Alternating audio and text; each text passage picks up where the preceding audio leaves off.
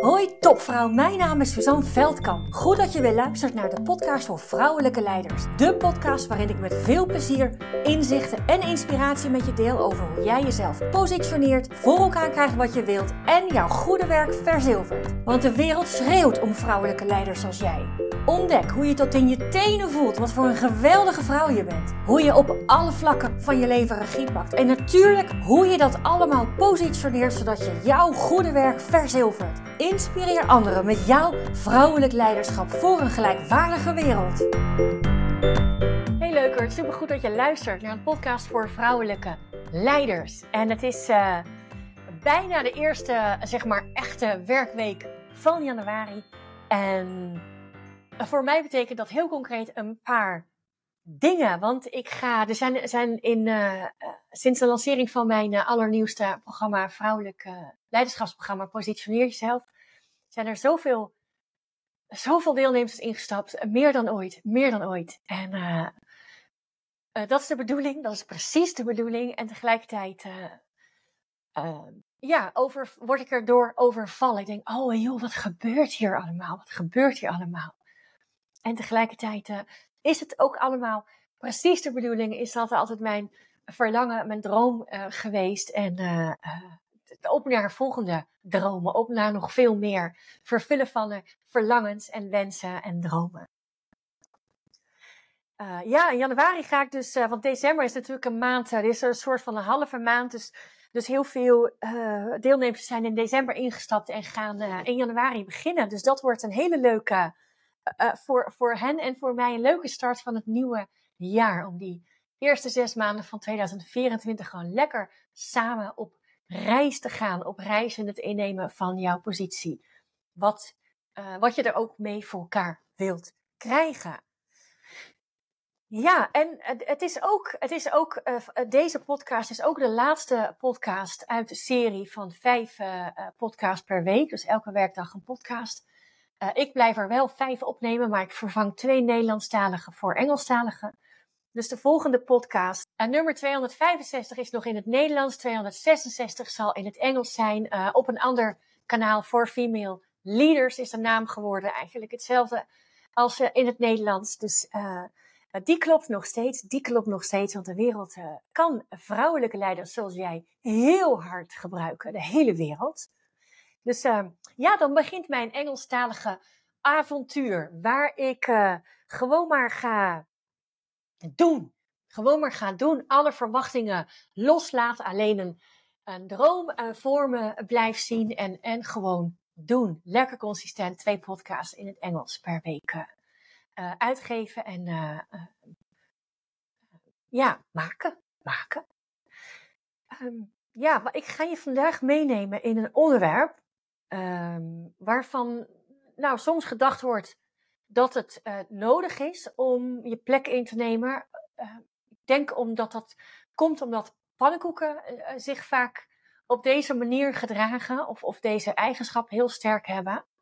En ja, en daar vind ik nog wel wat van, want je kan complete cursussen en trainingen volgen om precies dit te verbeteren. En dan heb ik het over assertiviteit. En van assertiviteit, um, zoals we hem gebruiken, inzetten, daar vind ik wel iets van. En dat is waar ik je in meeneem. En dan vooral met de intentie dat je niet een een of andere assertieve pannenkoek hoeft te worden om je plek in te nemen, om duidelijk te maken wat voor jou belangrijk is. En ik ga even beginnen met een voorbeeld noemen van een, een andere, maar wat ik een vergelijkbare voorbeeld vind. Kijk, we weten van complimenten uh, ontvangen, uh, weten we dat we onszelf niet kleiner te maken hebben door het compliment weg te wuiven. Hè? Weg te wuifelen, hoe heet dat? En we doen het nog wel eens, maar in ons hoofd weten we dat, dat weten we allemaal, hebben allemaal eens ergens tegengekomen op de werkvloer of in een opleiding of training of coaching. Complimenten, huppakee, in ontvangst nemen en niet, ja, maar dat doet iedereen toch. En het gebeurt nog wel, maar je weet dat je uh, op zijn minst gewoon dankjewel hebt te zeggen en dan gewoon maar stoppen. Als je niet door kunt gaan op het compliment, als dat te ongemakkelijk voor je is. Um, Zo'n reactie zo'n reactie komt heel erg uit het hoofd. Uit het uh, soort van, van ook misschien wel ergens ego, omdat je weet dat het zo hoort. Dat je een compliment, dat je jezelf kleiner maakt als je het compliment over jou kleiner maakt. En je weet dat dat, dat niet handig is. En dus uh, weet je ook welk gedrag je uh, mag laten zien of zou moeten laten zien. Wat handig is om te laten zien, dat is de juiste zin. uh, tegelijkertijd is er een manier, is er een manier die veel waardevoller is, uh, als dat jou, uh, als dat in je systeem zit, als het ware.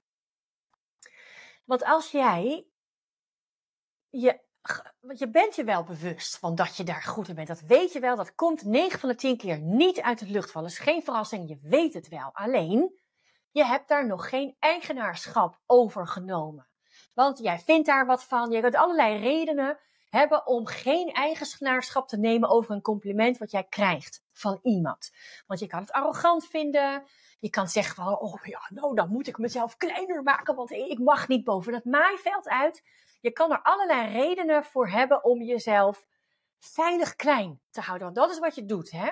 Als je ten volste het compliment in je ontvangst neemt, daarop doorvraagt, dan neem je eigenaarschap. Maar als je dat doet vanuit een, een moeten, vanuit, oh ja, zo moet ik het eigenlijk doen, want dan laat ik uh, niet die kleine versie van mezelf zien, maar bla bla bla. Dan komt hij niet uit jezelf, maar dan komt hij uit aangeleerd gedrag waarover jij geen eigenaarschap genomen hebt. En ik hoop dat je me volgt, maar precies datzelfde vind ik gebeurt heel vaak met assertief zijn.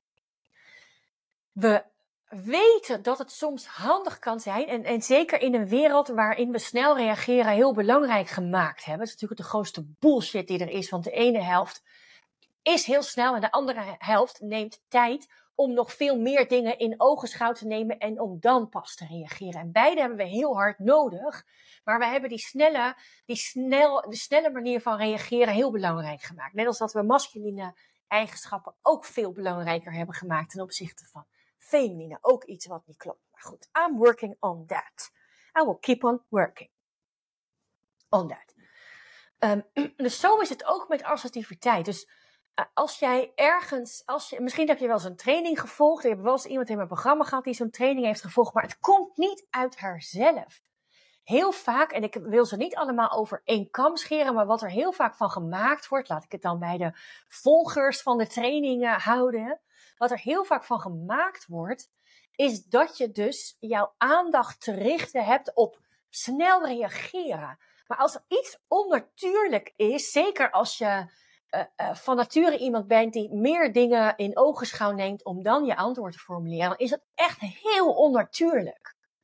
En tegelijkertijd kan het op sommige momenten, natuurlijk realiseer ik me ook, wel handig zijn als er bijvoorbeeld uh, werk verdeeld wordt uh, in, een, in een teamoverleg, als dat ter plekke gedaan wordt en jij bent iemand die heeft meer tijd nodig om daarover na te denken, ja, dan kan het zijn dat al die leuke dingen weg zijn en, en jij met de stomme projecten opgescheept zit of met die dingen opgescheept wat je al 80 jaar doet en waar je helemaal geen zin meer in hebt.